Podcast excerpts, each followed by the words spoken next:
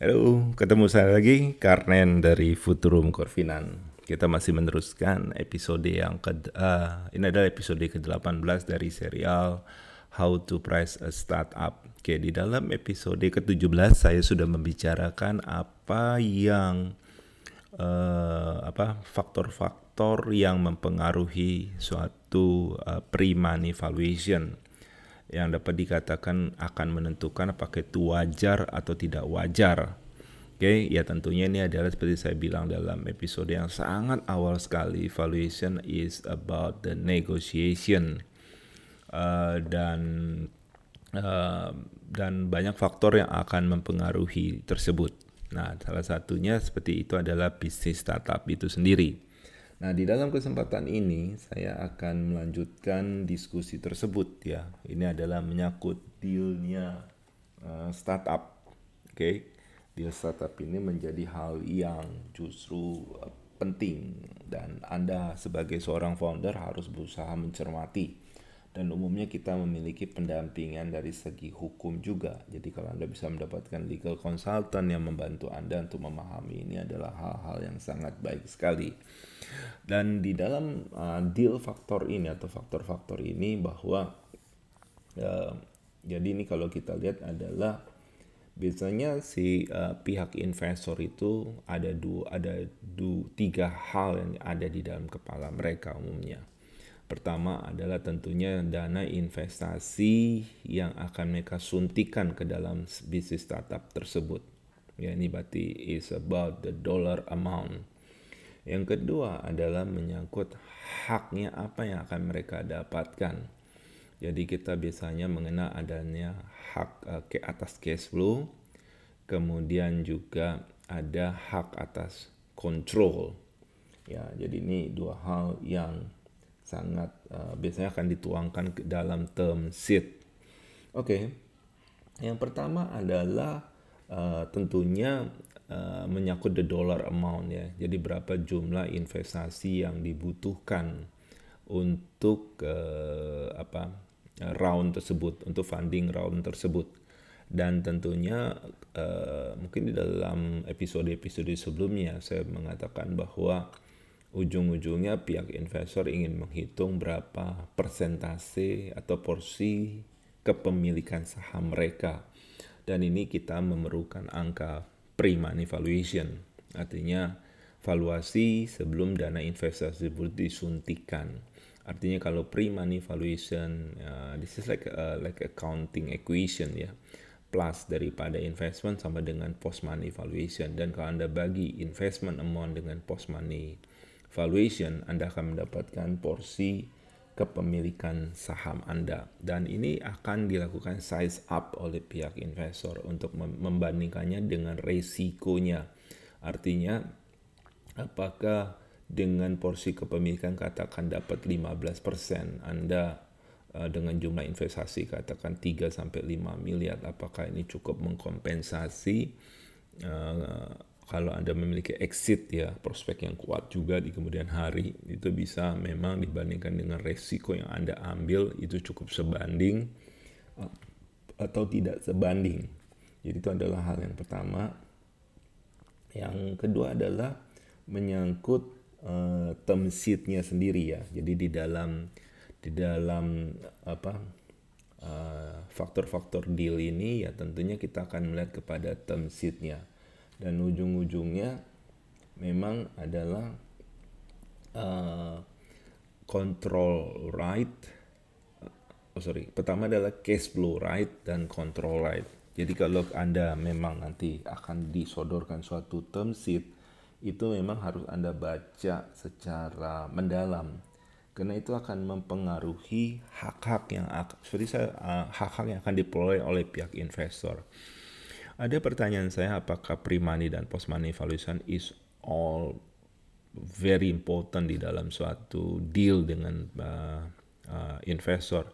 Saya bilang ya, sebenarnya banyak faktor di luar hanya just a numbers ya daripada pre-money atau post-money valuation yang harus dipertimbangkan oleh seorang founder karena banyak faktor yang belum dimasukkan ke dalam uh, valuasi tersebut. Contohnya adalah masalah cash flow right dan juga control right. Jadi di dalam cash flow rate ini ini adalah kita akan membicarakan sebetulnya umumnya pihak investor minta hak istimewa untuk di didahulukan ya dalam konteks mereka memiliki akses atau kan memperoleh dulu uh, pengembalian uang mereka atau terhadap cash flow bisnis tersebut kalau terjadi likuidasi ya dan juga uh, bahkan juga bisa minta untuk sahamnya dibeli kembali the buybacknya. Jadi ini adalah beberapa hak-hak istimewa kayak redemption yang dimungkinkan oleh pihak investor.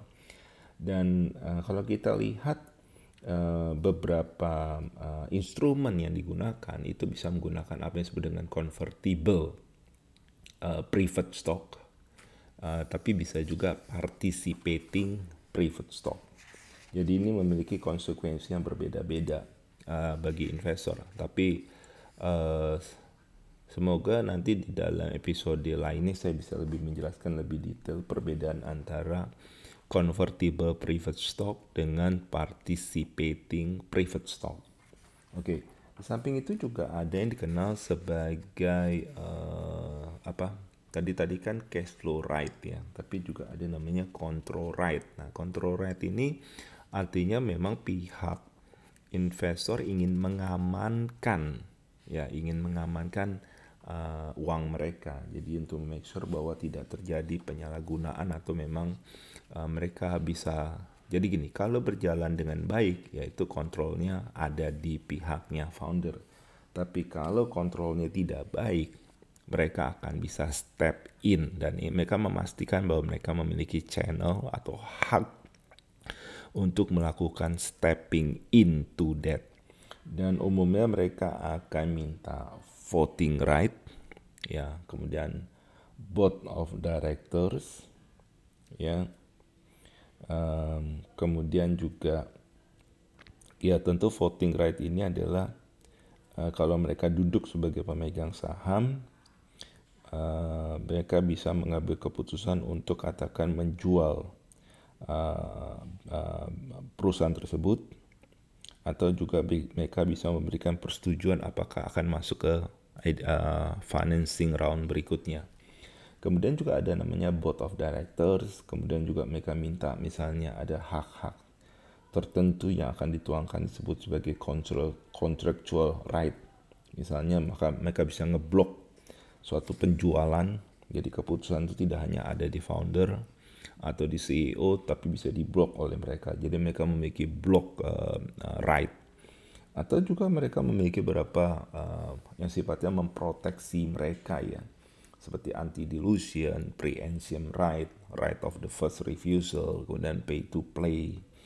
Kemudian juga mereka ingin memastikan memiliki juga uh, pelindungan protection atas liquidity. Misalnya ada redemption, mereka bisa ya di saham itu bisa di redeem kembali, kemudian bisa take along atau drag along Uh, kalau ada suatu investor yang ingin jual, mereka bisa ikutan atau kalau satu investor ingin menjual, dia bisa juga menarik investor yang lain.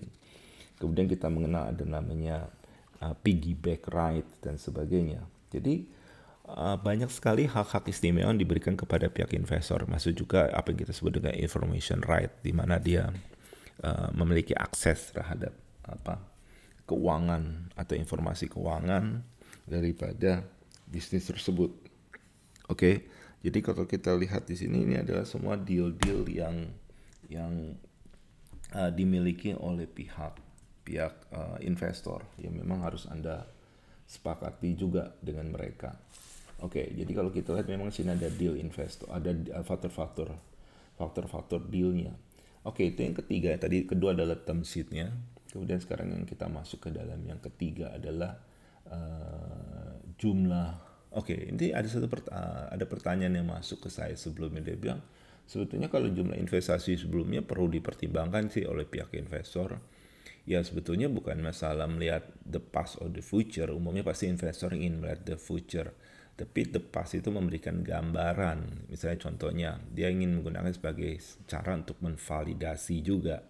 Misalnya kalau Anda misalnya sudah mengatakan sudah memiliki produk, kemudian sudah ada research and development, kemudian ya ada hal-hal yang sudah ada produk betanya Anda kembangkan. Mereka ingin tahu sudah berapa sih jumlah uang yang sudah di spend karena itu bisa membuat mereka membuat apakah di kemudian hari Anda masih butuh uang lagi atau uh, tidak dan itu masuk ke dalam faktor yang kelima ya. Karena gini, ke pemikiran menyangkut berapa besar lagi investasi yang dibutuhkan di kemudian hari itu apakah akan signifikan atau tidak signifikan karena kalau ini akan menyangkut masalah dilusi ya. Jadi dilusi ini adalah kalau uh, bisa Anda antisipasi, bisa juga Anda tidak antisipasi. Jadi hal kita saya bicara ini hal yang bisa diantisipasi dulu. Uh, jadi hal-hal ini tentu sangat diperhitungkan oleh pihak investor karena akan mengalami impact uh, berupa dilusi. Jadi berapa besar lagi dia akan melakukan round-round, apakah masih ada round-round berikutnya BCD sampai dengan bisa dilakukan exit terhadap bisnis tersebut. Kemudian kita juga melihat uh, ya eh, faktor-faktor uh, ini juga akan dipertimbangkan ya tentu masuk di dalam konteks tahapan daripada bisnis startup tersebut ya karena kalau karena ada namanya tahap yang masih pre-seed, ideation, kemudian apakah sudah seed, sudah memiliki produk, kemudian juga sudah ada beberapa customer bahkan sudah ada revenue dan hal-hal itu juga membantu mereka untuk berpikir soal valuation tersebut. Dan juga uh, apakah sudah ada produk yang di testing di market kemudian juga bahkan sudah ada versi uh, apps-nya juga dan siapa pemakainya dan sebagainya dan tahapan-tahapan daripada bisnis apa ini akan masuk dalam perhitungan mereka tentunya semakin awal daripada bisnis startup tersebut ya tentu valuationnya tidak bisa setinggi sesudah ada masuk di tahapan-tahapan disebut sebagai level later round atau scale bahkan growth stage atau scale up stage. Oke. Okay? Jadi itu adalah faktor yang menyangkut dealnya ya yang harus Anda pertimbangkan juga. Oke. Okay. Saya uh, rasanya udah bisa diakhirin jadi ini adalah faktor yang kedua ya dari empat faktor yang mempengaruhi uh, apakah suatu valuation pre-money itu reasonable atau tidak. Oke, okay? tetap subscribe. Saya punya sosial media, Anda tetap menjadi follower dan kita di sana akan update banyak informasi menyangkut sekitar startup dan valuasinya. Jangan lupa kalau ada pertanyaan kirim email ke futurumcorvinan@gmail.com com Pagi, ciao.